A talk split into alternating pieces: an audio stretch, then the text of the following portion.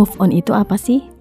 Move on adalah serapan dari bahasa Inggris yang diartikan pindah. Tapi banyak orang yang mengasumsikan kata move on ini dengan arti yang berbeda. Seperti pindah ke lain hati, pindah ke lingkungan lain, melupakan kenangan yang buruk dari masa lalunya. Tergantung siapa yang menggunakan kata ini. Move on bersifat general, tidak selalu tentang masalah percintaan, tergantung orang yang mengartikannya. Biasanya sih, move on dimasukkan ke dalam masalah percintaan dan kalangan remaja, terutama remaja SMP sampai kuliah. Karena di usia ini, remaja terbilang masih ababil. Biasanya yang mengartikan move on ini ke dalam masalah percintaan adalah kalangan remaja, terutama remaja SMP sampai kuliah. Karena di usia tersebut masih ababil. Udah banyak kok contohnya. Misalnya putus dengan pacarnya, tapi belum bisa ngelupain. Sering banget terjadi yang kayak gitu.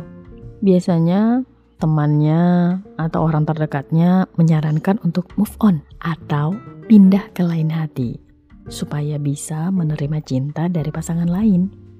Di samping itu banyak juga kasus lain seperti anak SMA yang belum bisa beradaptasi dengan lingkungan baru di universitas.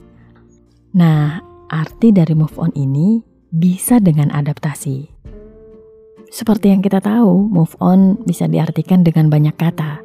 Tapi yang paling penting adalah bagaimana cara move on. Kalau kamu masih bingung, bertanya-tanya terus sama Mbah Google. Nih, ada cara yang paling mudah. Pertama, dan paling utama adalah ikhlas atau menerima kenyataan. Kalau kamu udah bisa terima kenyataan, yakin deh move onnya mudah. Yang kedua, membuka diri dengan situasi atau status yang baru kalau emang udah jomblo, ya ngaku aja, happy-happy aja, kan masih banyak temen. Kalau kita udah membuka diri, masuk ke lingkungan yang baru, dengan status yang baru, kemudian kita bisa beradaptasi, yakin deh kamu bakal bisa move on. Yang ketiga, yang terakhir nih buat kamu, enjoy your life. Kenapa? Karena hidup itu cuma sekali. Jangan sampai nggak kamu manfaatin waktu sebaik-baiknya. Karena masih banyak cara yang bisa kita gunakan untuk bisa move on dengan cepat. Dan yang pasti ingat ya, bukan dari orang sekitar atau lingkungan ataupun orang yang dekat dengan kamu yang membuat kamu move on. Tapi harus berasal dari diri sendiri.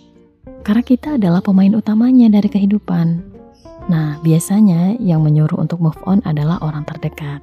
Itu juga bisa ngebantu Walaupun mereka menggembor-gemborkan atau menyuruh kita untuk move on, tapi kitanya sendiri nggak mau move on, nggak ada niat, nggak ada tekad yang kuat untuk melakukannya, ya tetap aja nggak bisa. Gimana?